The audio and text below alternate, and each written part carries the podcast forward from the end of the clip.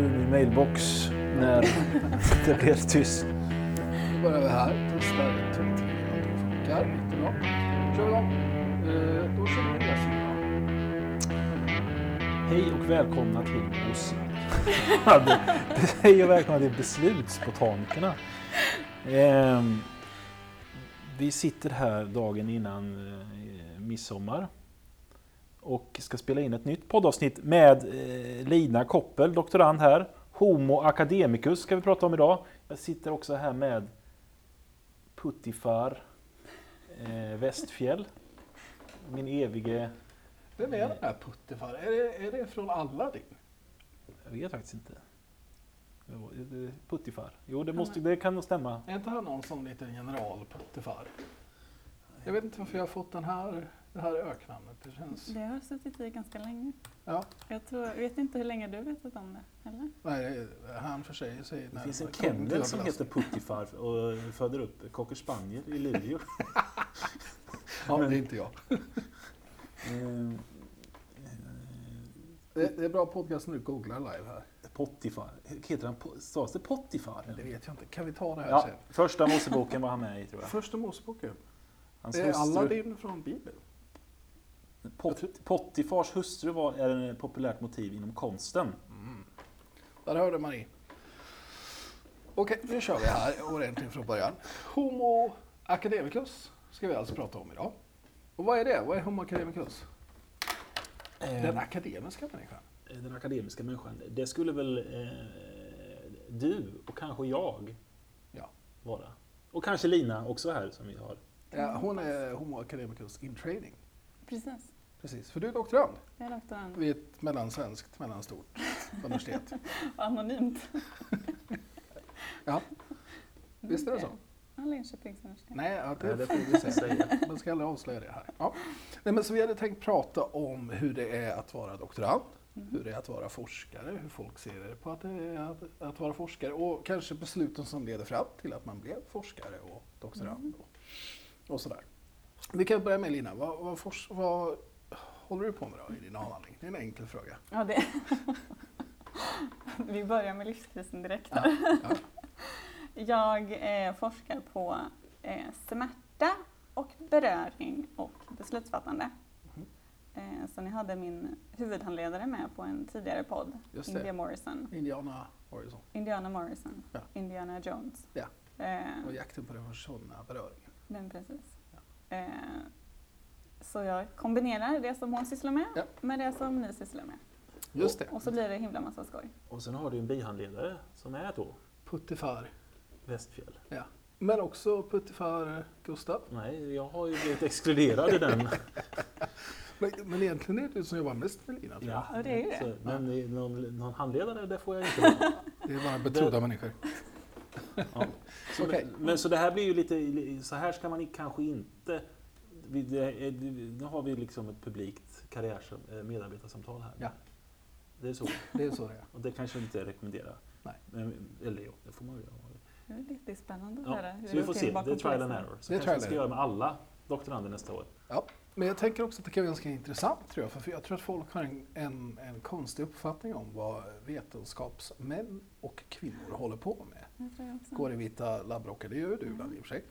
Eh, och, och sitter på kammare, går in i någon slags spirande ton, hämtar ut sanningen och kommer ut och visar den för människor. Mm. Exakt så ser det ut. Så tror jag att folk... Ja, sanningen eh, Ja. finns den. Ja, Ja, det men det- frågar vi Lina, det är hon som söker den. Nej men det som, eh, eh, som folk sa till mig innan jag blev doktorand var att eh, doktorander och forskare generellt, de sitter ensamma på sitt rum och jätteintroverta och pratar inte med folk och att det är ett väldigt ensamt och tråkigt jobb. Mhm. Stämmer det, denna? Jag, jag- då, när de sa det så tänkte jag, åh vad bra, det passar ju mig. Ja. Men det stämmer ju inte Nej, man önskar överhuvudtaget. För du är ju ganska introvert och det är väl jag också. Det tror jag Gustav är också kanske. Ja. Men, det, men det, är ju, det är många som är det, men Ja. det är ju inte, absolut, det är verkligen inte ensamt, eh, ett ensamt liv. Det är tvärtom, du jobbar med jättemycket folk hela tiden. Ja, men I vår business är det ju det lite grann. Det skiljer sig mellan Ja, vetenskapsfält men också tror jag. absolut. Men vi som är i samhällsvetenskap slash medicin, Mm. vad det nu är. Då är det ju vanligt att man jobbar i team och gör Mm, studier. Det är omöjligt att göra de här typerna av stora studier som man gör själv. Mm. Det är helt ofantligt svårt. Så att Mm, det är väl en sanning modifikation här att man sitter på sin kammare och tänker djupt. Och sen har vi ju den tredje uppgiften också som gör att vi alltid ska sprida våran Kunskap. djupare kunskap kring saker och ting. Plus att vi får träffa studenter hela tiden. Ja. Eh, Så är det. Så att det, det går ju inte ihop det här med att vara en lone, lonesome wolf. Är, du besviken? Lone wolf. är du besviken? Nej men verkligen inte. Det får jag ju inte säga nu. Jo. Men de bästa arbetsdagarna är när man sitter hemma i sin säng i sin pyjamas med datorn i Ja. knät. Det är Ja, då det- det händer. Det är bra. Det är då, då Ja. de stora... Och mitt i natten och sådär. Ja. Man sitter hemma. Ja. Det är säng slash toalett för dig då. Ja, det är sant. Ja, det är så. Det, det där är en stor, stor Mm. uppkommer. Eh, Men, men skaffar man sig mycket dåliga vanor som doktorand? Och då får dåliga vanor. Ja, Jag tänker att man sitter uppe och jobbar sent på nätterna och sånt där. Och, eh, ja, det behöver inte vara en dålig vana, men har man, man, jobbar mycket, man jobbar o... Jag vet inte, jag hade massa sådana kanske som folk tycker är dåliga vanor. Som du, som vanor. du fick när du var doktorand? Eller hade Ja, du det sen innan också? Man jobbade ju liksom. Mm. Det låter- Men man satt ju uppe, precis som du säger, det var ju lugnt på kvällar och sånt. Och man kan, Mm. det är väldigt svårt. Det jag tycker är svårt med att vara forskare, det är att det är alltid jobbigt att börja. Mm. Men det är också alltid lika jobbigt att sluta. Mm. Eh, Så har man väl börjat med någonting så kan man hålla på för länge som helst. Mm. Eh, Så. så Ja. Det är de två sakerna som är jobbigt. Det är alltid jobbigt att starta och det är alltid jobbigt att sluta. Mm. Och det gör att man kan få lite, det- det kan vara ibland lite, lite svårt att få ordning på sitt liv. Eh, och kombinera privatliv och yrkesliv Mm. som homo academicus. Men det Så är väl- känner jag. Det är väl känt att, att det är många som så här binge-skriver och binge-arbetar. Mm. Liksom, för att det är, har man väl börjat så vill man inte förstöra ett flow som man har och saker man är på gång och gör. Och det, man har, vi har pratat om det förut, att man inte har någon tidsuppfattning och sådär. Det heliga flowet. Men sen är det lite speciellt att vara doktorand. Jag tänkte att vi kanske ska ta det från början. Vad, vad är det att vara en doktorand, bara rent formellt? Det kanske är bra om folk vet vad det betyder. Vet jag det ens? Nej, men man är antagen till en forskarutbildning. Mm. Så man ska bli forskare, så man ska få en doktorstitel i slutändan. Det här kan man inte vem som helst komma in på. Då måste man först och främst ha gått någon typ av grundexamen Mm. inom något ämne. Och sen då så kan ett, ett väldigt fåtal individer eh, få erbjudas möjligheten att komma in på en doktorandutbildning. Eh, därför att det är svår konkurrens, få platser eh, och eh, det krävs ofta att man går in i något projekt. Därför att så, oj, ursäkta mig, som doktorand är man ju anställd. Eh, I Sverige i alla fall, är det så? Mm. Och då kommer ens lön från någon typ av finansiering som antingen är externt eller kanske på universitetsnivå eller institutionsnivå. Sen ska man då under den här tiden göra en massa saker. Det är typiskt fyra heltidsår som en, en doktorandutbildning ska pågå. Och ibland tar det lite längre för att man gör andra saker under tiden. Man kanske deltar i undervisning och sådär. Men då ska man dela den här tiden mellan eget forskningsarbete och avancerade kurser. Stämmer detta Lina? Det stämmer väldigt bra. Ja. Sen så skiljer det sig väldigt mycket åt vad du, vilket ämne du är på och Just det. var du, var du är doktorand någonstans. För du går forskarutbildning i, i medicin. I medicinsk vetenskap. Ja. Ja. Och då har man bara 30 poäng kurser till exempel. Och Eh, det, vad är det? I de kurspoängen så ingår jag också att åka på konferenser och sånt där. Och det är 30 inte poäng, det, det, det är det är en termin. en termin. Ja. Ja. Eh, Det är väldigt lite. det är väldigt lite. Och det är ju för att de här sabla läkarna, va? de tycker att de är så smarta. ja men så är det ju. De tycker att de är så smarta så de ska inte läsa några kurser. Det ska vara enkelt för dem att kunna få en, en, en, en doktorstitel. Och Eller- inom nationalekonomi så är det hur många terminer? Fyra Ja, kurser. Mm. det finns det, Och i ibland kan det vara lite mindre. så är det 60 poäng på två terminer. ja, två Eller terminer. hur? Precis. Så det är lite olika beroende på ämne helt enkelt. Övriga tiden då? Så då har du vad blir det, åtta terminer. Så sju terminer. Är, är det fri lek då i sju terminer? Det känns som det. Jag är lite bortskämd här också tror jag, så för mig är det ganska mycket frilek. Fast du, har ju också, du ska ju ha institutionstjänstgöring som är 20 procent, eller Okej. hur? Mm. Undervisning eller något annat. Ja. Eh, Så det har man ju också. Just det. Eh, Och då arbetar du, ja, du undervisar också men du kör ju, du är ju våran lab manager som det så vackert heter. Ja. Vilket i, i grund och botten innebär att du Du sköter hela sköter allt. Ja, och forska lite mer. Precis. Nej men du är ju spindeln i nätet för våra studier och koordinerar väldigt mycket av datainsamlingar och sköter väldigt mycket av det praktiska runt där. Så du är en väldigt viktig person för oss.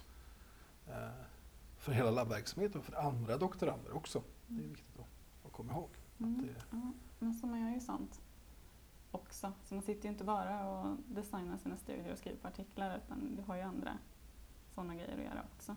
just det. Men i den övriga tiden där så ska du ju genomföra forskning, alltså studier. Precis. Och vad är det då? Vad är vadå forskning, studier? Det låter ju helt... För oss som Vi ska hitta hört sanningen, det sa du ju. Ja. Vad, vad är det för sanning du letar efter? Vad är det för studier du gör egentligen? Men får ge våra lyssnare exempel på... Det- du, ja. Mm. liksom, vad, vad, är det, vad, vad är från ax till limpa i din forskarutbildning? Jag tror inte folk förstår hur ångestladdad den frågan är när man får den. Men det är ju verkligen Eh, det. För det är, Ja, ja, din håller på att bryta ihop nu. Jag ska Ja, ta men- lite kort och lägga upp så att vi ser. ja, jag vill bara, det, det är det värsta man kan fråga en forskare. Vad, Ja. vad gör du? Ja. Mm. Kanske en del. Ja, Ja, ja. men nu ska Lina få svara på det. Nej men eh, min avhandling började ju med eh, här studien, beteendestudien vi hade med smärta och eh, beslutsfattande. Och där gjorde jag ett labbexperiment med drygt 100 personer som fick komma till mitt kontor, som också är vårt labb, eh, och få fysisk smärta samtidigt som de fattar eh, riskfyllda beslut om pengar och tidspreferensfrågor. Ehm, Pengar nu eller senare. ja, precis. Ehm, så då, vi började ju med att designa upp, eller vad ska vi göra? Och sen så fixade vi själva designen. Mm. Och sen så satt jag där och hade alla deltagare. Och Får, får jag bara stoppa där? data. Lite, Ja. vad, vad, vad ska vi göra? Vad är det som, bara så att man förstår det, vad, vad är det som bestämmer den frågan? Vad är det vi ska göra? Vad är det för hänseenden man tar in i det? Liksom, är det bara så här, ja det här är kul, eller är det, ja är det här någonting som vi inte vet, eller är det här någonting jag vill göra bara? Alltså, Men det är ganska blandat. Alltså, Ja. Vi har ju lite tur här för att vi kan få göra sånt som vi tycker är roligt också. Mm. Men det, är ju, det kommer ju från eh, att vi vill förstå någonting, något eh, större underliggande fenomen. Hur fattar folk beslut? Till exempel? Eller hur påverkar smärta beslutsfattande? Så det kommer ju från ett sånt generellt intresse och sen så designar man en liten studie som kan svara på någon liten, liten del av det här. Eh, och sen så gör man den och sen så får du bygga vidare på det. just det. Får du ibland sådana här eh, att du sitter där hemma och tänker så här, fy fan vad ska man med detta till? Varje dag. Ja, men hur, hur hanterar du det? Eh, då svär jag lite. Försök, nej, jag försöker svara på det. Mm. Och sen svär jag lite och sen så går jag vidare. Och hoppas jag kan hitta svaret imorgon. Har du mot, mot den eh, polärt motsatta känslan någon gång? Fy fasen vad viktigt och bra det här är och nu kommer världen förändras. Eh, inte lika mycket med saker jag gör själv, Mm. men i andra saker kan man ju se det. När man ser någon annans forskning. Precis, för då har man inte sett alla de här valen som man har behövt göra på vägen. Man har inte sett eh, de små bristerna som man själv ser så himla lätt i det man själv gör. Eh, och så tycker man att det är något jätteinnovativt fast egentligen så är man ju bara inte medveten om att det var tio andra som gjorde liknande grejer innan. Eh, men det är man väldigt med- medveten om i sina egna grejer. Det är ju därför det är också så mycket enklare att prata om andra personers forskning. Ja, Ja, För absolut. För man vet ju inte om, man kan inte alla de här bristerna och alla de här valen du pratar om. Mm.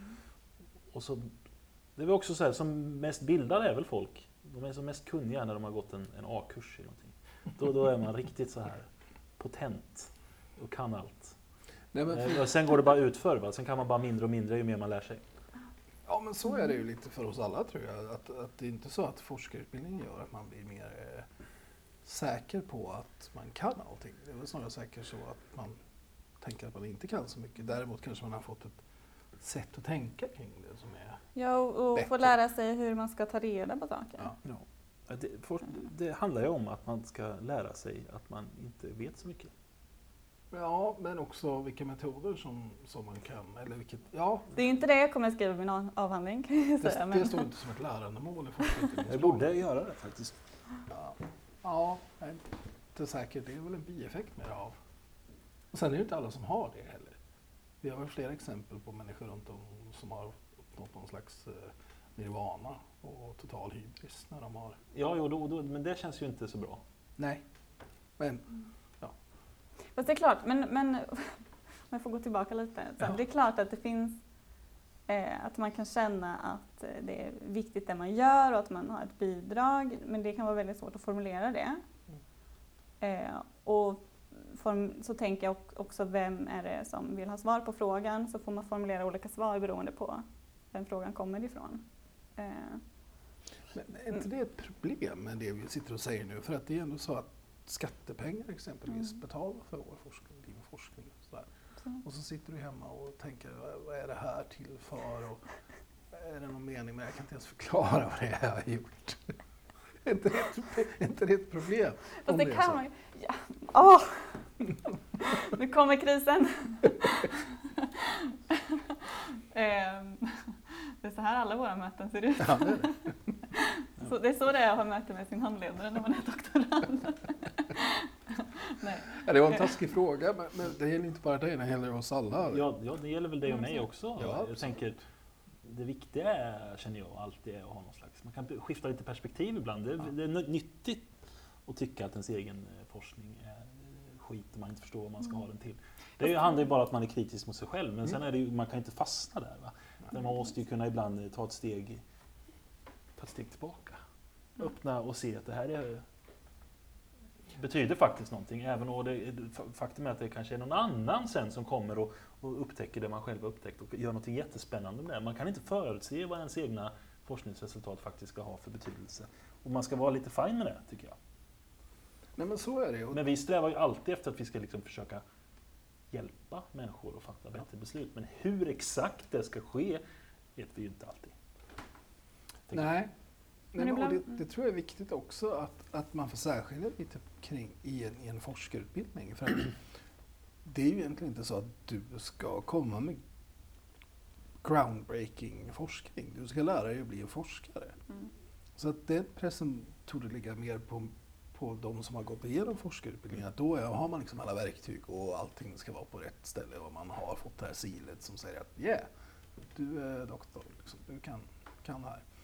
Så att det är också någonting som jag tycker är ett problem lite grann med, med forskarutbildningen. Att det, det är ett väldigt fokus på att man ska göra eh, ny och spännande forskning som hela tiden flyttar kunskapsfronten eh, framåt. Mm.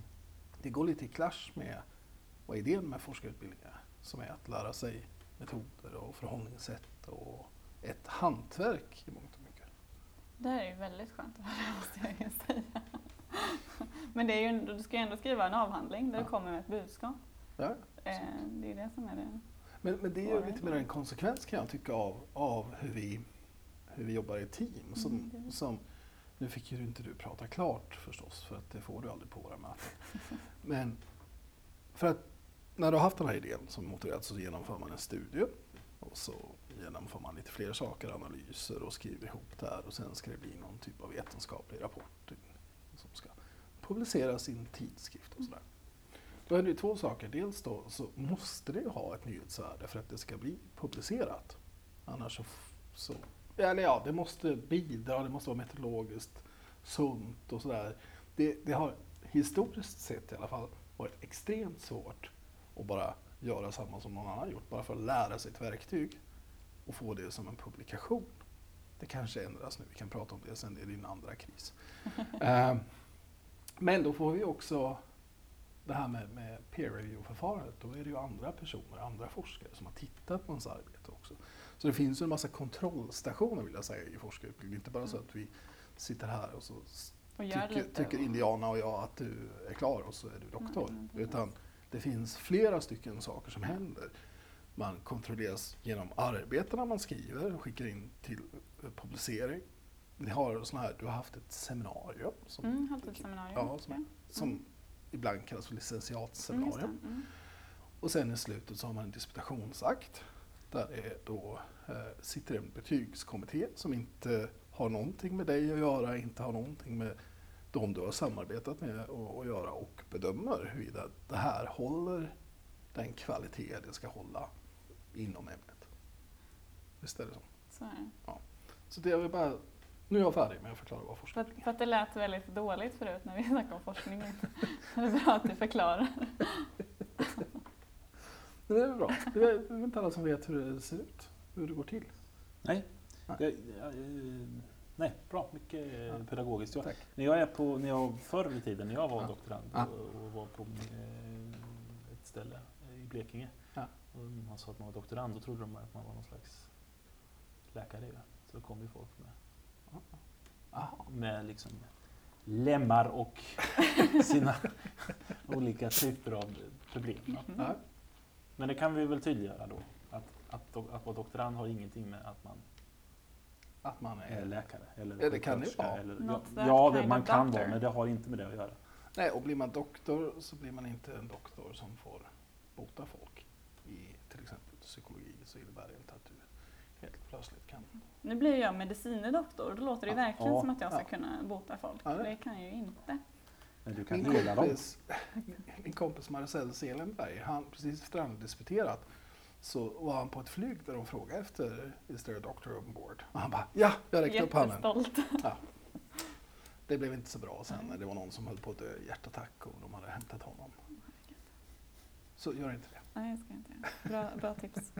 Ja, men du blev medicinedoktor ja. Ja. Men du, är ändå, du vet ändå ingenting om kroppen. Nej, Nej, men, ja. nej, men egentligen inte. Lite. Och då har vi, vi tittar på hjärnaktivitet. Så det är väl också Det är ju hjärnan. Det är kroppen. det är klart. Varför gör man det? För att det är roligt. För att förstå hur, hur vi funkar. Mm. Det kommer ju från... Du är ju din hjärna. Eller. Eller? eller är hjärnan du? Eller? Eller? Eh, Men det kommer ju mycket så här, eh, det här med att kunna svara på sin, eh, eller säga att man, kunna bidra med någonting, eller vad är det jag sysslar med egentligen? Det får man ju också mycket från att prata med andra. Man är ju, det är därför man inte sitter ensam hela tiden. Och Ja. vara ute och prata på konferenser och med folk och träffa nya människor, jobba med andra från olika områden som gör väldigt mycket. Ehm, där får du ju nya perspektiv och så, in, så hittar du andra personer som gör liknande grejer eller som ehm, har ett helt annat, helt annan bakgrund som kan uh, Mm. alltså ge lite input. Anledningen till att jag bara frågade om varför kollar man i hjärnan, det var för att det kan jag själv känna lite, så här, eh, lite ångest kring. Existentiell vetenskapsångest. Jaha, där ploppade den. Den delen av, av hjärnan var lite aktiv när vi visade, blom, eh, visade bilder på blommor. Så skriver man ett papper om det. Eller så här, eller, vi har ju haft en studie om när vi visat eh, äckliga toaletter för folk bland annat. Och så ser vi vilka delar av hjärnan som, som aktiverar. Och då har jag lite svårt va, jaha det var den delen. Nej, men Hur man, absolut. hur, så, men då måste man ju hela tiden ta ett steg tillbaka. Mm. Eh, och, och se, ja det är väl viktigt att veta vilka delar av hjärnan som är involverade i olika typer av beslut och man kan eh, använda det i annan typ av forskning och, och kanske och sådär. Ja, och- Hjälp mig Daniel! Jag har inte alls den existentiella ångesten kring just det. Det har jag kring andra saker. men- för att det känns bara som ett, ett annat. Alltså vi har ju massor av olika metoder för att studera samma sak och vi behöver olika metoder för olika nivåer. Och det är klart, tycker jag, självklart inom beslutsfattande området att man lär sig någonting om vad är det som driver beslutsfattande. Om vi ser att, okej, väldigt konsekvent när jag ser äckliga saker, då tar jag mig ifrån situationen. Eh, och det drivs av insulaktivering.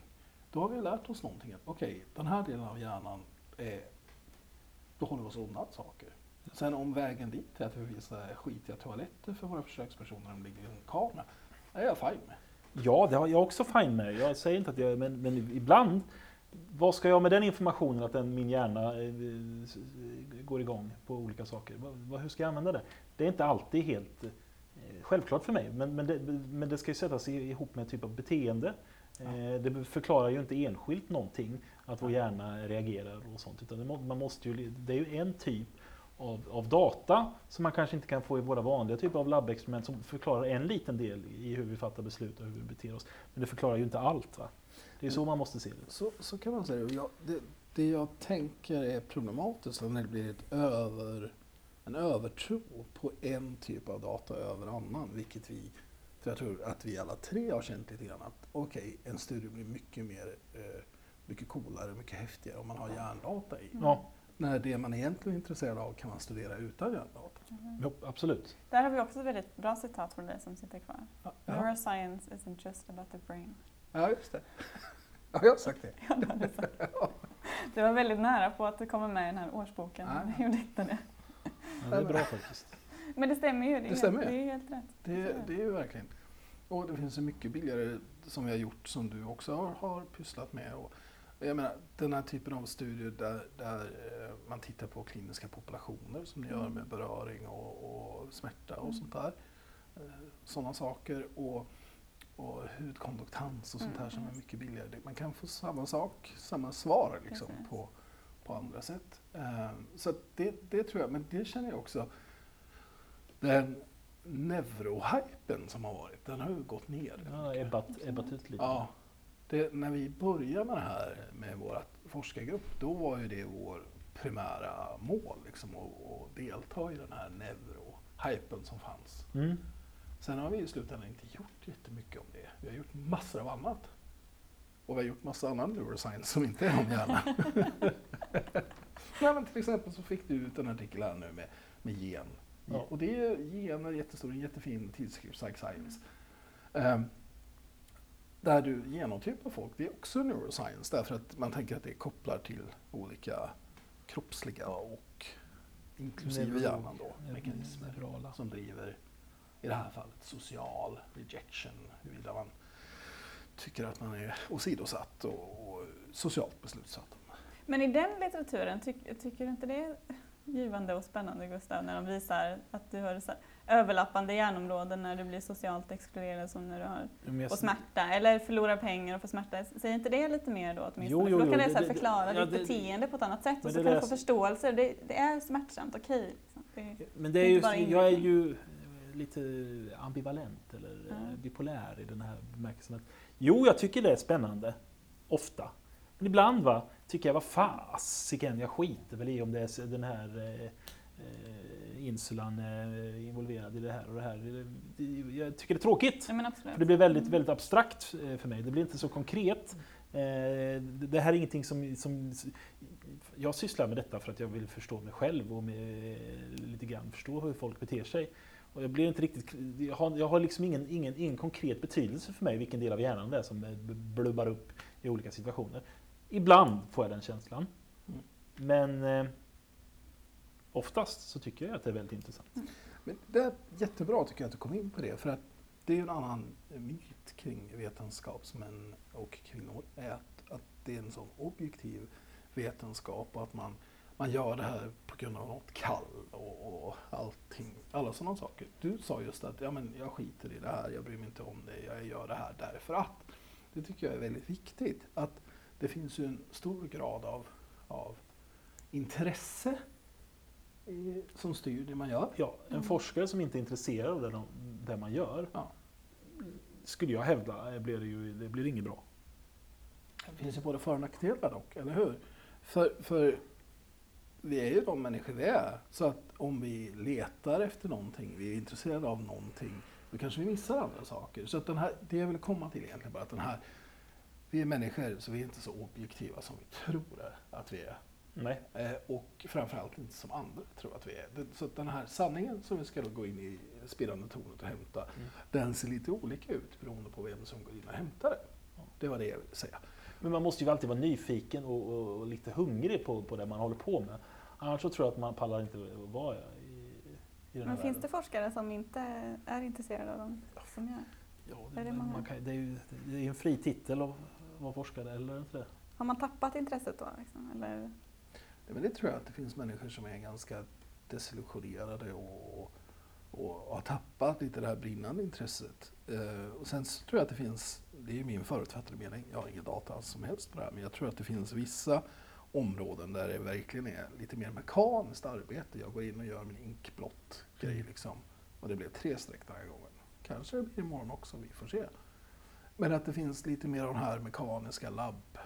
Och det är lite oklart liksom vad ens bidrag gör om man är en kugg i maskineriet. Medan vi här, om jag talar för, för vår grupp, så har vi ju alla ganska stora frihetsgrader i att bestämma vad är det, vad är det vi är intresserade av. Ja. Det är klart att det styrs av vår inriktning som grupp och vad vi har för projekt som är finansierade, men det är ändå väldigt, väldigt öppet om man jämför med Okej, nu ska vi jobba med den här genen för den är viktig för cancer. Då kan man inte säga så här, "Nej, men jag jobbar inte med den genen idag. Jag jobbar med en annan grej.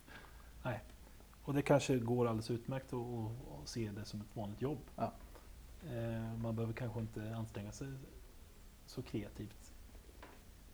Akademiskt kreativt i vissa... Det behöver man inte i, vår, i vårt jobb heller faktiskt. Nej, men jag tänker att det, det är väl också en distribution. Alla kan inte vara de här superkreativa och som bara tänker ut nya idéer. Utan det är väl, team funkar ju bra när man har olika funktioner. Mm. De som gör saker, de som liksom tänker ut saker, de som kanske kan en statistisk teknik, de som kan en speciell metod. Och tillsammans blir det väldigt bra. Och det, jag menar, vi har ju folk i, i vår grupp som eh, en statistiker exempelvis som gör väldigt mycket analyser Mm. av data som andra har samlat in eller Mm. tänkt ut studier, designer på. Men nu, nu vill jag tillbaka här. Nu, du får inte ställa med. För jag måste fråga här. Varför, Lina Koppel, ville du börja forskarutbildningen? För du var väldigt, väldigt spänd på att komma in i forskarvärlden. Du började som lab manager här och du kollade, du var lite andra ställen kollade Ja. på och sådär. Det ehm, eh, intresset kom väldigt tidigt tror jag. Men det är så här... ehm, jag vet att jag konkret ville forska när jag gjorde min kandidatuppsats. Men vad var det för bild du hade? Vad var det som var lockande? Men det var ju för att, för att eh, men det här låter ju jättehemskt också. Åh, jag vet inte om jag kan säga allt det här. Jo då. För att, eh, Spirit out bara. jag tyckte det var så himla roligt att vara student och plugga och lära sig saker. Men hallå, det är väl ingenting att skämmas för? Det är, ju- det är, så känner vi ju. Men det är ju- typiskt. Det är också lite, men det, fast, fast okej. Det är ju dels det här rena intresset för saker och ting. Att bara allmänt roligt att få lära sig hela tiden. Och det, det, det låter så cheesy när man säger det tycker jag, men det är det, är det man- man hoppas att alla forskare drivs av. Ja. Eh, men sen också själva det här eh, lite, så här, lite duktig flicka-syndromet. och bara Bara göra det bästa liksom. Ja, men, ja, du skulle vilja vara bäst också. Ja, jag ska vara bäst. men ehm, för det, det kan du göra som student för att du, det, resultat, alltså resultatet är ju ditt hela tiden. Mm. Och så är det ju som forskare också. Att du, påverkar hela, du kan påverka din egen bana hela tiden. Mm. Eh, så, och du kan köra på hur hårt du vill och då blir det bättre och bättre. Mm. Eh, Så det finns inget sånt som stoppar dig. Nej. Det är ingen som säger åt dig så här, nu ska du jobba 8 till 5 och du ska göra de här sakerna. Nej. Utan du har väldigt mycket frihet. Ehm, Mm. så det, men det kan jag ju säga så här, nu när jag är doktorand, att det är något som jag verkligen gillar. Men det är inte därför man blir doktorand. Utan du blir doktorand och börjar forska för att ha ett intresse, ett genuint intresse och vill, i mitt fall, vill veta hur människor funkar, hur man tänker och så. I en ideal värld så skulle det vara så att man börjar för att man har ett starkt intresse. Men så tror jag inte det är. alla. Nej, det är möjligt. Det är. Eh, I ditt fall tror jag verkligen att det är så. Att du är Absolut. superintresserad. Absolut. Sen så hade jag varit, jag var ju utbytesstudent i USA. Eller jag har varit i USA flera omgångar, men jag var utbytesstudent där ett år och var forskningsassistent i ett labb där.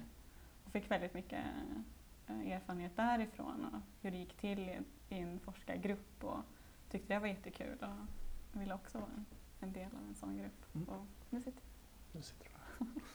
Ja, spännande. jag. Du svarade aldrig på mail från Lina när hon ville komma till vår grupp, eller hur var det? Jo, det gjorde du! Svar på mig. Gjorde du det? Ja, det gjorde jag. Svara på ibland. Det var något strul, eller det gick? Nej men du svarar väldigt snabbt tror jag på mitt mejl. Sen skickar jag vidare till dig och du svarar inte. Var det så det var? Kanske var. Och det, tog, det tog ju ett tag från första kontakten till att jag faktiskt... Det gjorde du. Jag kommer bara ihåg att det var Men döende. vet, vet, du varför döende. jag, vet du varför jag, jag skrev till dig från första början? Nej. Eller jag har kontaktat lite olika forskare i Sverige och utomlands som jag tyckte gjorde häftiga grejer. Och så har du en bild där på, Mhm. på IBLs hemsida. Så tyckte jag det såg ut som en riktig så här, mattenörd. och då tänkte jag, det här verkar vara en bra Fy person. fan, mattenörd. Ja, ja. Nej, jag, jag, kändes det bra för mig. jag, jag tar det. Jag, tar, jag, kan vara, jag kan vara mattenörd. Oj, den gick inte hem. Nej, det, här det var helt Sen så insåg jag att det är det ju inte riktigt. Men, eh, Jag måste ta en paus känner jag. Jag måste återhämta mina... Det var intressant. Ja. Men, jo, men jag kan ändå ta att jag är lite mattenördig av mig. Men inte i min vardag. mm. Jag har varit det förut. Men, Mattenörd i din vardag. nej, men inte nu längre. Jag var väl det kanske förut när jag var på Chalmers och sådär. Nu ska jag ställa dig en fråga här, eh, eh, Puttifar, Daniel. Ja. När folk frå- säger du att du är fo- är forskare till folk när du är ute på, på stan? Nej. Vad säger du att du är då? Jag ljuger ju inte, men alltså, om någon frågar så säger jag väl det. Men det är inte som att jag tar upp det. Liksom, som...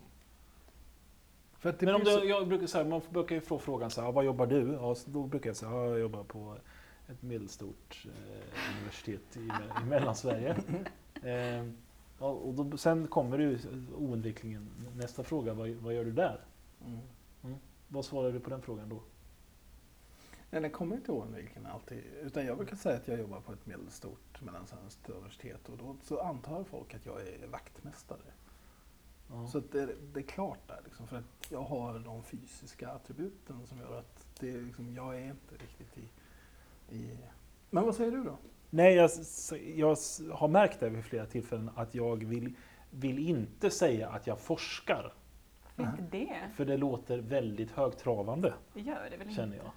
Och det blir liksom så här, vad, folk får liksom konstiga idéer när man säger det. Så då säger man, ja, ja, Jag, jag, jag, jag, jag, det så jag gör lite and, allt möjligt och undervisar lite och sådär.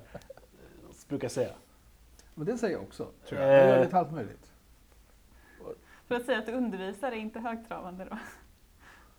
Nej, det tänker jag inte. Att, då, Men det där är ju din, det- Och då säger är jag, din egen syn på, på det hela. Forska fint och allt annat är inte fint. nej, eller? men... Fast. Förstår jag. Ja, eller? Nej, jag skämtar. Nej, men det... Nej, men det, det, det kan jag få... Så du säger att du forskar alltså? Jag, jag brukar säga, jag är doktorand, så jag forskar. För att det är ingen heller som fattar vad en doktorand är. Och då är det glasklart? När du har sagt det. Nej, det är det säkert inte, men det är svaret åtminstone på frågan. Men blir de inte rädda för det då eller? De är nog rädda från början kanske. Nu har jag en annan fråga Jaha. som är semantisk. För jag, jag har hakat upp mig lite eh, ibland på det. Va? Att, att, eh, du får inte säga att du är forskare, det sa du inte att du var. För att du, du går ju en men- forskarutbildning. Exakt. Men kan du säga att du forskar? Det har jag funderat väldigt mycket på. Kan man forska? Kan man säga att man forskar om man inte är en forskare? Och man är ju forskare först när man... Ja, Du är ju en Ja. forskarstuderande. Eller? Ja. Så kan du säga... Ska jag säga att jag studerar då? Jag ska jag säga det? Nej, men jag, jag, jag tränar på att forska. På forska. Nej, men jag Ja, tycker men- det är en ganska viktig fråga faktiskt. Ja men absolut. vad, vad är liksom rent språkmässigt, vad betyder det när man säger att man forskar? Ja. Betyder, för mig betyder det en massa, massa saker. Alltså att du har fått stämpeln som gör att du... Mhm. Men sen finns det ju en massa forskning där, där det är icke-disputerade som research development i Mm. företag är ju väldigt Mm. ofta människor som inte har en forskarutbildning men har en annan relevant utbildning eller bara kan en massa saker.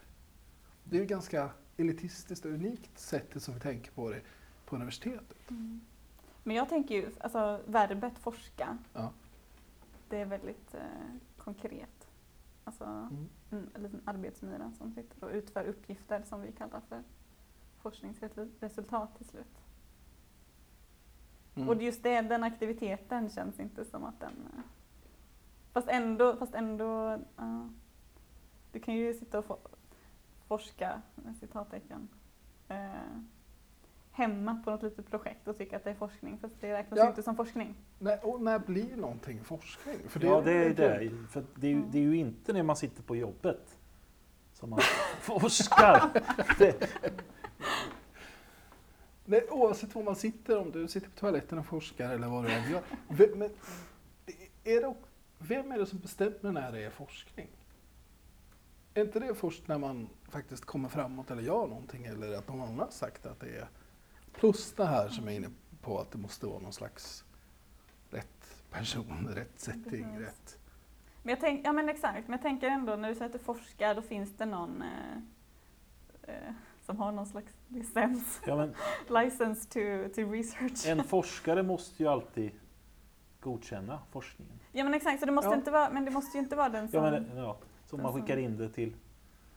Som du, om, man skick, om man skickar in den, sin, sin, sin, eh, din tränings, dina träningsförsök på forskning till en tidskrift så är det ju alltid en disputerad som, tänker jag, som sitter och bedömer huruvida det är. Fast Det det är det ju inte, eller vadå? inom den akademiska världen, för det finns ju verbet forska och eh, andra sätt att beskriva forskning finns ju utanför den akademiska världen också, där det Mm. inte handlar om peer review, men exakt. Där det inte handlar om de sakerna. Och, och det blir väl väldigt snäv. Så, så du menar alltså att det är först Jag i efterhand inte. vi kan avgöra om vi har forskat eller inte? Ja. Jag vet inte om jag har Nej. forskat eller Nej, jag vet inte Jag heller. vet om ett år när det här blir publicerat eller inte. Ja. Det är intressant. Ja, men jag tycker det är en jätteintressant fråga. Ja, men det är ju först efter, alltså när, man, när vi sitter och, och har, kokar soppa på en spik Ja. och kommer på olika idéer. Ja. Det, är ju inte, det vill man ju inte kalla för forskning. Det är först när, man, när, den, när den idén har gått igenom sju eldar och tio eh, sådana här dyngrepar. Fast den skulle ju aldrig gå igenom sju dynggripar om vi inte hade haft den här första Nej. koka soppa på en spik. Nej, jag vet Nej, men det, jag tycker det är väldigt intressant för den här processen, forskningsprocessen är sjukt svår att beskriva tycker jag. Absolut. Det är väldigt oklart ofta. Alltså vi beskriver en sak i våra vetenskapliga tidskrifter, men då beskriver vi metoden som vi använder för att samla in data. Eller Mm. sådär. Vi beskriver ju aldrig hur vi kom på idéer eller i vilken kontext det är eller i liksom, hur det egentligen har... Det är mycket där, mycket tankekraft där också och beslut som man fattar på vägen. Och, Jag tänker att eh, jag kommer nog få en ny livskris när jag faktiskt är forskare på riktigt. Och, och är som ni. För då, det är då jag kan, ja, men vattenöra, ja. Det är då jag kan eh, ifrågasätta mig själv om jag faktiskt forskar. För nu så känner jag ju fortfarande att det finns någon ovanför mig som vet att det här är forskning och vet att det är korrekt. Och det, är- det är godkänt och okej. Vi diskuterar ofta vad du gör. Det är faktiskt en forskning. Just nu är det 50-50 alltså. Nej, jag skämtar. Ja, det här var en off-diskussion. Det här kommer ingen tycka var intressant mer än vi tre tror jag inte. Så Det att- tror jag visst. Det- Jag tyckte det var... Nu har jag... Ja, kör du först. Lina, Japp. vad är dina tre bästa tips till dina fellow doktorander ute i världen? Ja, det ska man slänga ur sig på några sekunder bara sådär. Mm. Eh, Välj inte handledare utifrån foto. men det funkar ganska bra. eh, vad är en forskargrupp, skulle jag säga? Även om du är introvert. Vad är en grupp? Om du kan. Sånt där kan man ju inte välja alla gånger, men eh, Mm. det är bra. Vad är en bra grupp? Vad är en bra grupp, ja. Nummer ett, vad är en grupp? Ehm. Eh.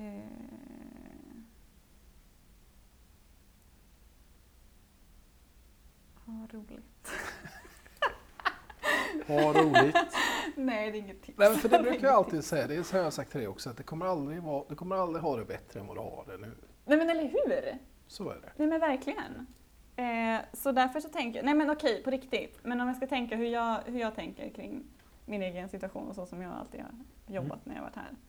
Eh, så tänker jag eh, producera så mycket som möjligt nu. För då kan du chilla lite sen när du kanske vet någonting. Mhm. Och då kan du tänka efter vad det är du ska syssla med. Ehm, Sjukt dålig strategi. ja. Det är inte som att du kommer kunna chilla sen. Det är nu ja men chilla, okej det är ju det är ju inget bra uttryck. Men alltså... Jag tyckte det var bra. bra. Är det, Men- Jag gillar att producera mycket. Gillar. Ja men exakt, för det är, ju, det är ju det här med att bygga sin karriär och så vidare. Och alltså om du, Det, man får ut lite grejer det finns ju början, sjukt så. många jättebegåvade personer och doktorander som i, i, det inte blev någonting av. Mm. I, ja, det blir ju någonting av dem, men inte i den här världen. Nej. Eftersom de sitter och ruvar på sina idéer eh, fram till Mm. det är för sent. Nej men det som är grejen, alltså det är ju, det är ju när eh, du sitter och gör jättemycket som det faktiskt händer saker Mm. också och som eh, saker och ting faller på plats. Ja, Det man faller inte på plats av sig själv. Nej, och, det, och att man, de första 80 procenten när man ska skriva papper någonting, de går ju ganska eh, okej, fort och sådär. Mm. Det är de sista 20 procenten när man, när man har de svåra nötarna som, som inte liksom löser sig själv som det, som det gäller att pusha igenom. Mm, precis. Och det de sista 20 procenten där, det är där det, är där det fallerar oftast. Mm. Folk pallar inte ta sig igenom dem. Nej.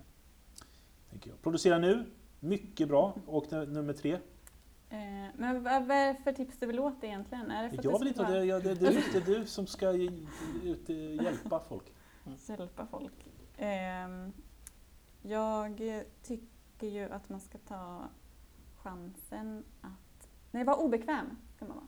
Mot, sig, mot Eh, så man ska utmana sig själv lite. Läs en svår kurs. Jag i man vara, gå- kunna vara obekväm mot andra. Ja, nej, nej, nej. Det är du som ska vara obekväm i- Ja. i, din, i din egen Ja. hjärna. Ja, mycket bra. Väldigt bra råd. Ja, Då har jag en följdfråga. Mm. Skulle du rekommendera till din eh, bästa vän eller värsta fiende att gå, hoppa på forskarutbildningen? Det, det beror på. är svaret på allt. Ja. Men särskilt här. Ehm, jag tror ju definitivt inte att, det är klart det inte passar alla. vem passar det inte? Ehm, Alltså nämn inga personliga namn. ehm, nej men för att, alltså, jag har ju sagt, sa i början att, eh, att man är, att jag åtminstone jobbar med väldigt mycket människor och man är inte ensam samtidigt som du måste vara, du måste ha en, vara driven själv. va? Disciplin. Ja, disciplin. Sjukt Absolut. mycket ägaransvar är det. Men precis. Ehm, så har man inte det så blir det nog jobbigt. Eller? Ja, det tycker jag är tydligt. Mm. Det, är- det är egenskaper man måste ha eller vara villig att kultivera. Att, Men sen också tror jag inte heller det passar om, alltså man måste ju också kunna vara lite noggrann. För vi försöker hitta någon form av sanning och då kan man inte hafsa sig fram. Man får inte vara Mm. bekväm. Nej men precis, man får inte bara nöja sig med, med någonting. Mm. Eh, sen så kan man ju vara för, för noggrann och för mycket Mm. perfektionist och, och, eh, och noja för mycket också. Ja, man kan gräva ner sig för mycket i, i kanske vissa gropar. Bara för att man vill vara noggrann. Då kommer man inte framåt och då drunknar vissa projekt. Det är också någonting som är vanligt. Men det är ju ändå det, är ju ändå det här kritiska förhållningssättet som, som ska vara så fint inom forskning och så. Det är det det bygg, hela bygger på. Så har vi inte det så får vi ingen bra vetenskap. Vad är det sämsta med att vara doktorand? Ja, det är inte bara en rosy view, eller hur?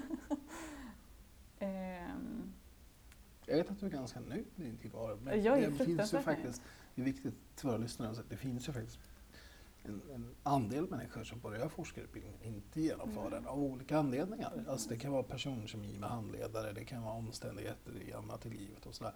Men också en viss andel människor där det helt enkelt den här typen av egenansvar och så inte riktigt passar. Och det leder till mycket inre stress Ja. ofta. Det gör det och det är, det är väldigt eh, omvälvande. absolut. Och man snackar ju mycket om psykisk ohälsa och allt sånt där och bland doktorander och. Och det, Men, ni eh, ligger alltid väldigt högt i de här stressbarometrarna, arbetsplatsundersökningar. precis.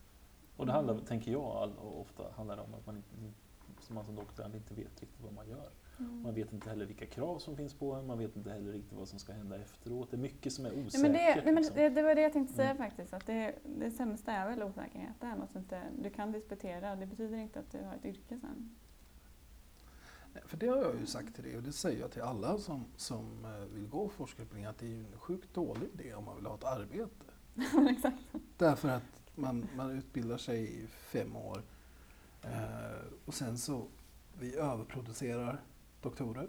Det Mm. finns inte i närheten av så många tjänster som det finns disputerade över alla ämnen. Mm. Ehm, och går man utanför akademin så är det så att man kan ses lite som överkvalificerad. Som en person som kan kräva väldigt snabbt en högre lön trots att jobbet kanske bara kräver en magisterutbildning eller någon lägre nivå. Så det gör att man kanske blir oanställningsbar utanför. Så det är ju ganska, det kan ju vara en ganska stor uppoffring. Plus att man är fem år utanför arbetsmarknaden. Exakt.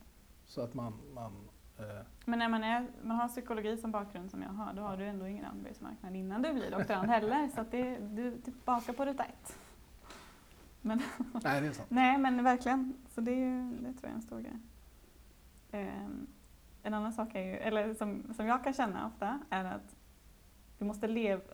Det är obekvämt att vara obekväm. Du måste, och om du ska ha så här kritiskt förhållningssätt, då börjar du ifrågasätta dig själv också till slut. Mm. Ehm, så det kan ju vara jobbigt också. Men vad gör du då för att... För det, det, man kan inte alltid vara... Ja, det återkommer till det. men Det är klart man ska vara obekväm och så, men ibland måste man ju... Man måste ju pusta ut ibland. Ja, men precis. Men det är därför man eh, eh, får, när det händer bra grejer, så får man njuta lite. Så, så får man komma ihåg att det kommer sådana stunder på tiden. Ja, Fast det ja, låter som att jag går runt och lider, det gör jag ju inte, det vet ni ju att jag inte gör. Men, ja. Men jag tror det är Ja, viktigt att inte ge en, en, en eh, ensidig bild av hur det är att vara doktorand heller. Det är ju pissigt ibland. Alltså. Ja, det lider hela tiden.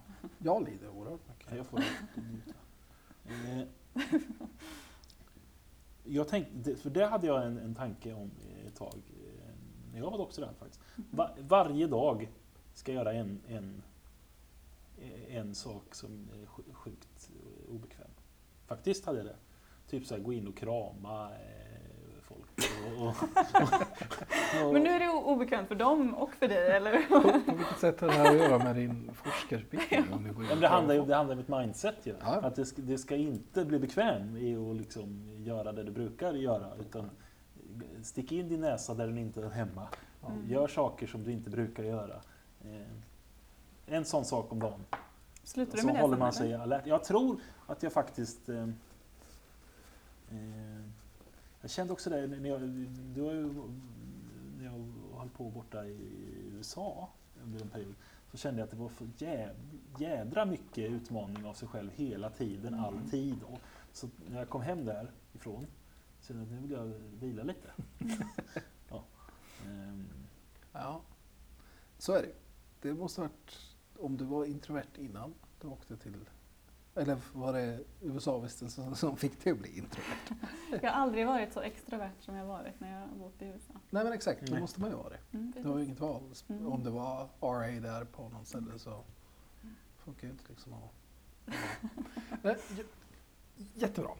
Tack. Jag vill dock prata lite grann om vad är det för, vad är det för belöningar? Vad är belöningsstrukturen som doktorand? När vet du att det har gått bra? När vet du, vad är det som Du får dig att pusha dig du har ju ett framåt? väldigt objektivt mått och det är ju att du, får en publikation. Grattis! Eh, Men är inte det lite fucked up att det ska vara det som är måttet? det är klart det är det. Sen så kan jag, nu, nu har jag väldigt mycket självförtroende idag för jag fick ju en accepterad nu igår kväll. Igår, grattis! Och då, tack så mycket! I Scientific Reports. Yes. Eh, Tidskrift med säkert en impact factor på över fyra eller något sånt. ja, det är det. Jag kollade faktiskt igår. 4,6 kollade jag igår. 4,6? Är Eller var det 4,2 kanske? Ja, Och det är, det är, 4,1, väl- 2, för de som någonting. inte förstår vad det betyder så är det skitsamma vad det är faktiskt. Det är, det är väldigt bra. En väldigt Mm. svår tidskrift att komma in i. Ehm, Så när sånt händer, då, då är man ju aldrig... Då är man ju som drygast. Vi fångar dig på rätt dag då. Ja, verkligen. Verkligen. Eh, men vad var det jag skulle säga med det? Jo, det, jo men just med den så måste jag ju säga att det var ju ändå...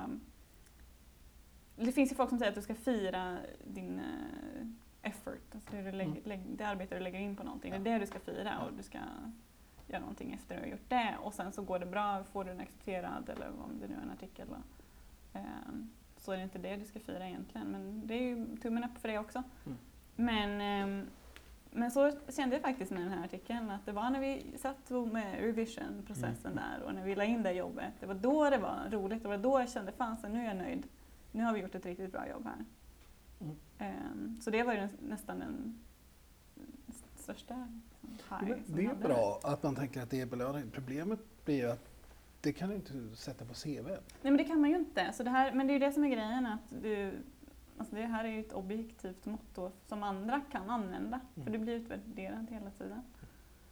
Ehm, så det här är ju mer, när du får saker accepterade, då är det mer en stämpel på att eh, du kunde göra någonting. Mm. Och då känner jag mig lite mer trygghet att eh, jag kan bevisa att jag kan något också.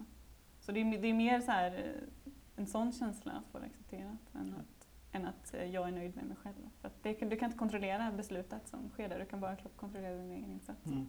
Men det är viktigt, tänker jag, att, att det är också kanske en förändring lite grann i kulturen som sker nu. Att man, man eh, processen ska värderas och, Mm, och belönas mycket mer än utfallet. Mm. För utfallet är faktiskt lite utav, vi har pratat om det i en annan episod när vi pratade om det här med replikeringskrisen och så här. My, har- mycket bra avsnitt.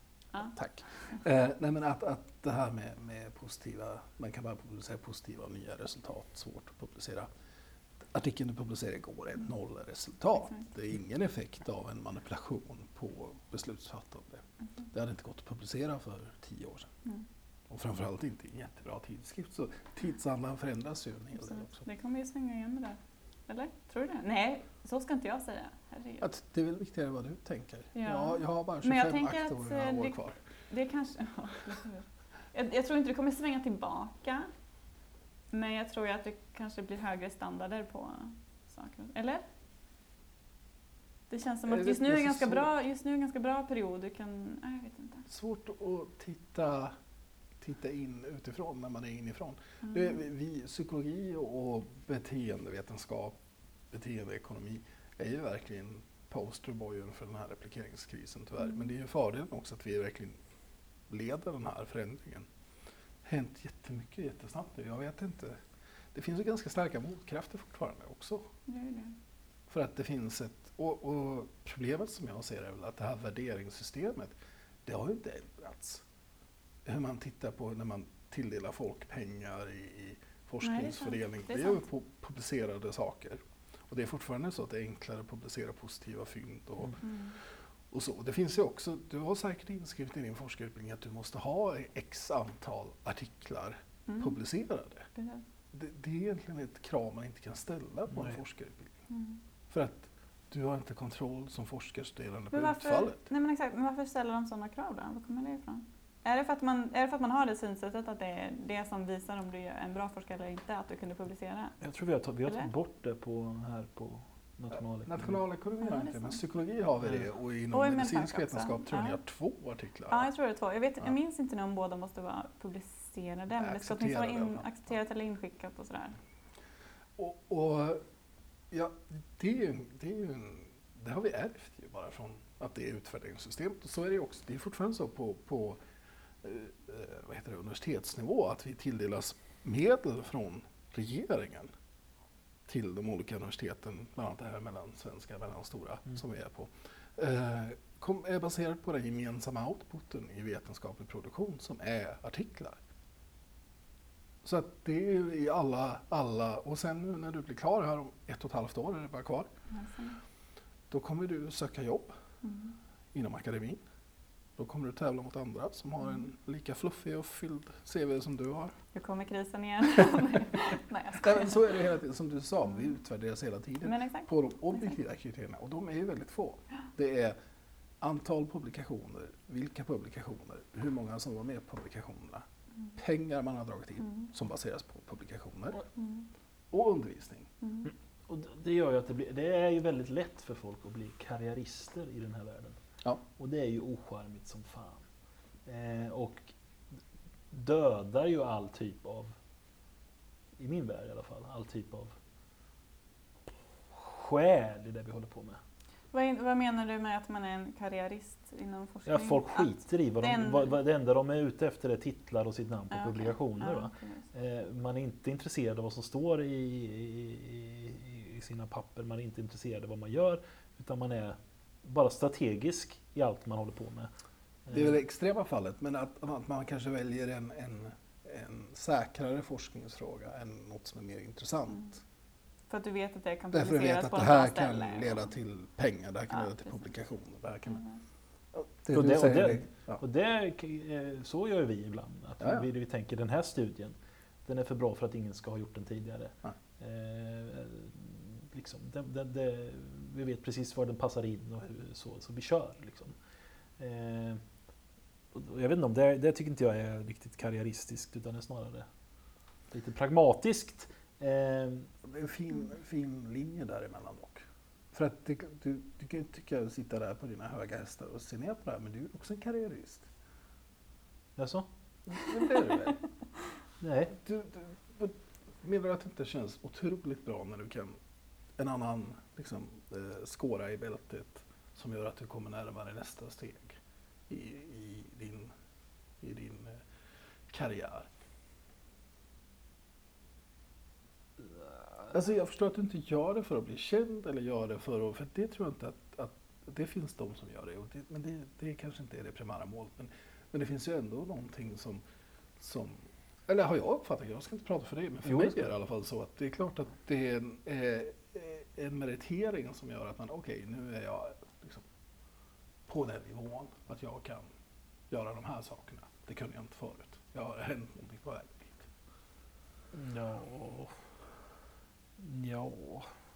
Nej, men det, man orkar ju... För att det Ja, det- pratar vi med sådana som Lina om i karriärsplanering, att så måste man göra tyvärr också. Jo, absolut. För att överleva Ja. Och få kunna syssla med det man, man, man, man, man, tycker är spännande och roligt och intressant och, så, Ja. så måste man ju, man kan ju inte, så måste man göra en del strategiska val ibland. Eh, så Ja. man kan inte bara vara idealist eh, när det leder till, till, till liksom att man inte får fortsätta jobba. Men jag Men känner det ett par betyder- sådana betyder- idealister och de har liksom försvunnit ut. Ja, men det betyder ju inte, nu bara för att förtydliga, det betyder inte att man ska hålla på och forskningsfuska eller, eller något sånt. Va? Men det handlar ju ibland om att man kanske ska publicera. Man kan inte sitta på sitt, sitt, eh, sitt papper i tio år eh, och vänta på att liksom man har eh, mejslat ut den perfekta eh, pappret, utan man måste få lite spinn på det. Mm. Eh, men jag är, tycker ju att det bästa hade varit om vi får liksom så här lite utsläpps, utsläppsrättigheter som, som forskare.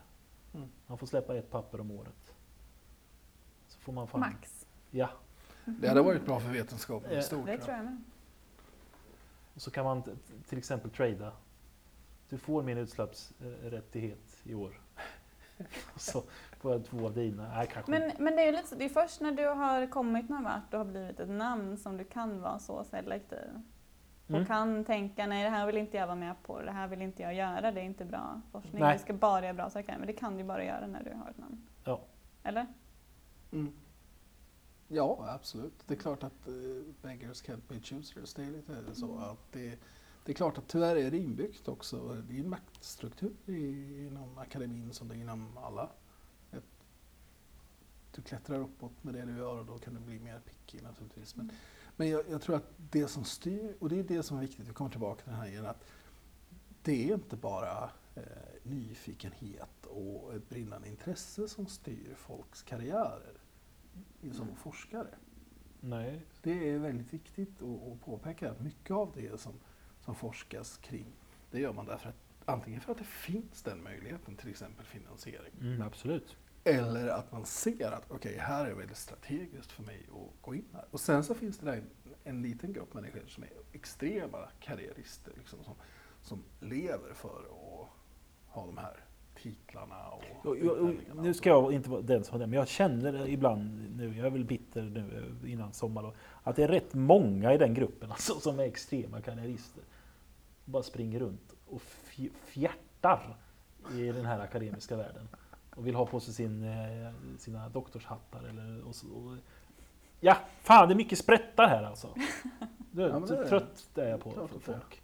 Men, men samtidigt finns det ju många som, som gillar det. Småpåvar! Det finns mycket småpåvar.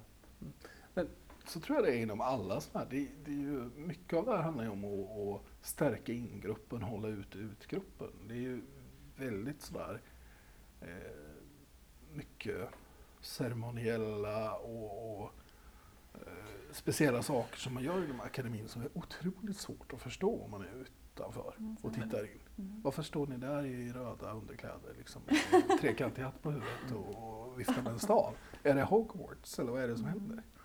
Ja. Men det, det tjänar en väldigt stärkande funktion för gruppen som gör det. Jo, jo. Men jag känner ju att för egen del inom eh, akademin har det aldrig varit till ondo att vara hjälpsam eller att, vara, att liksom hjälpa andra eller vara öppen där man, vad man, vad man håller på med och, och liksom stödja andra.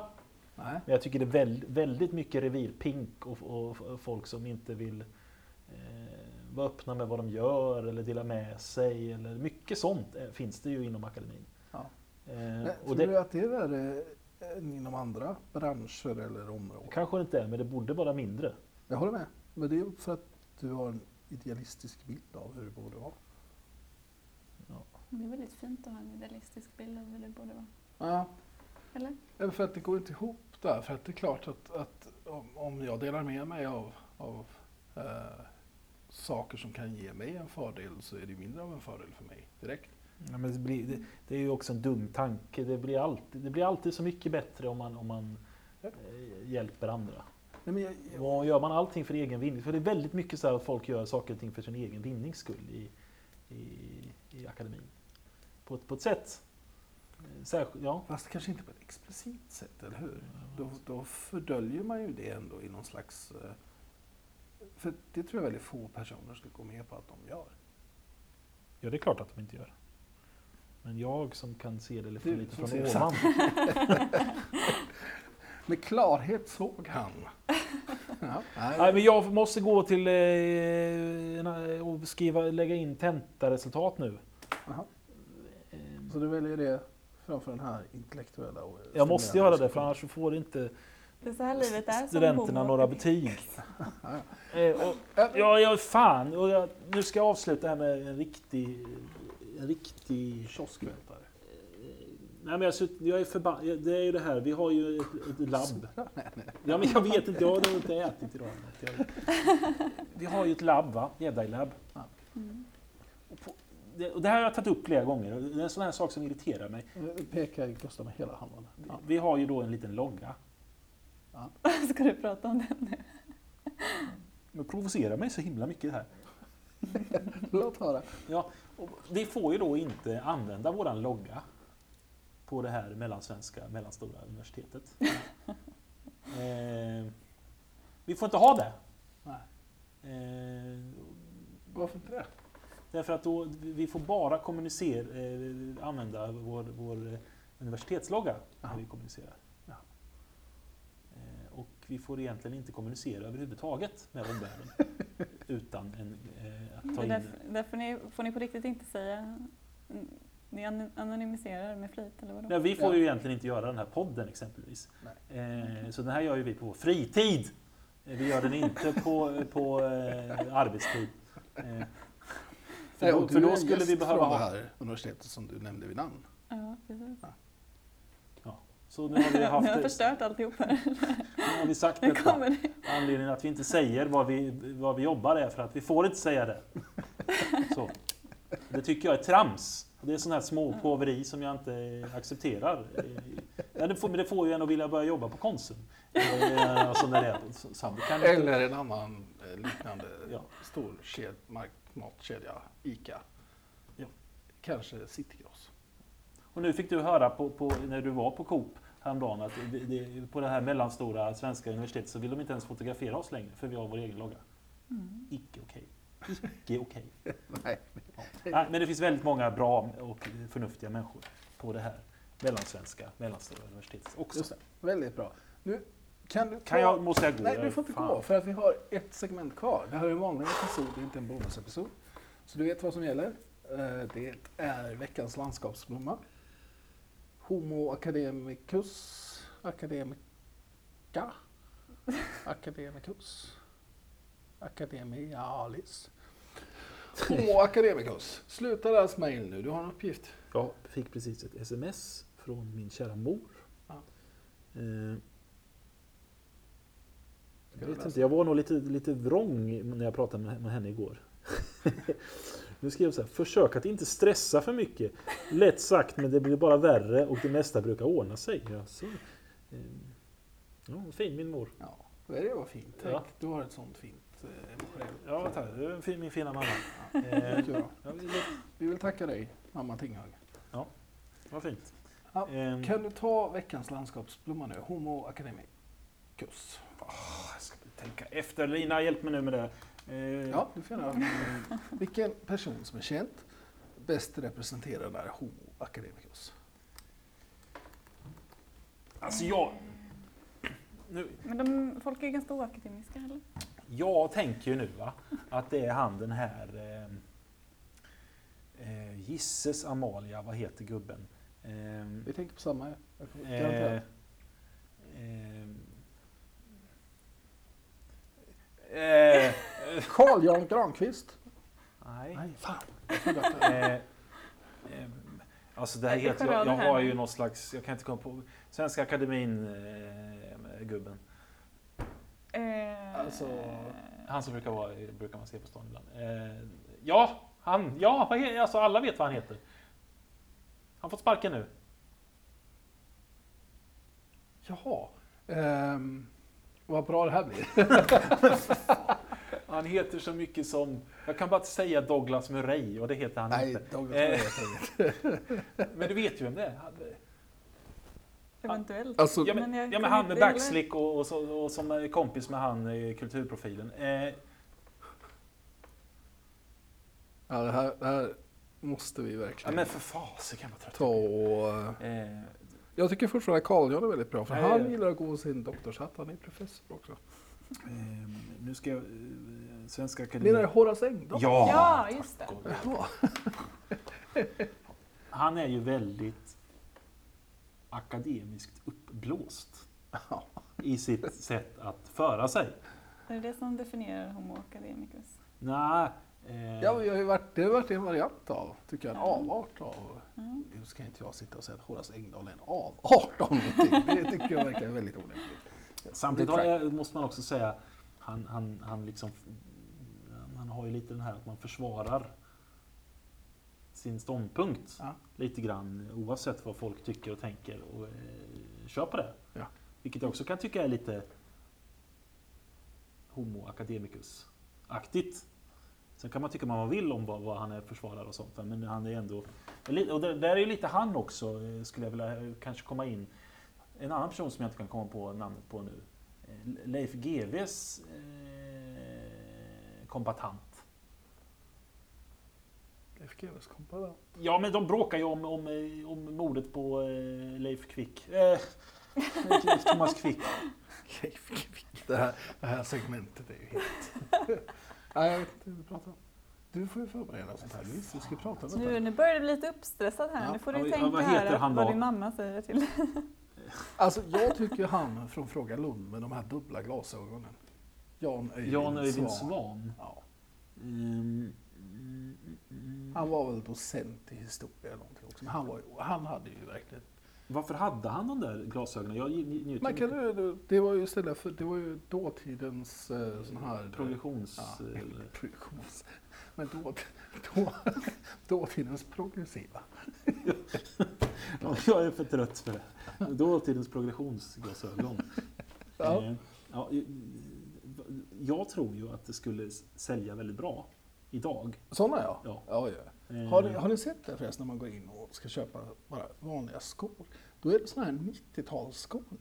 Vad är, Vad är vad är det? sneakers, sneakers, stora, för stora, stora, kronor? Ja. med mycket konstiga färger. Mm. Det är 90, alltså jag var ju med på 90-talet.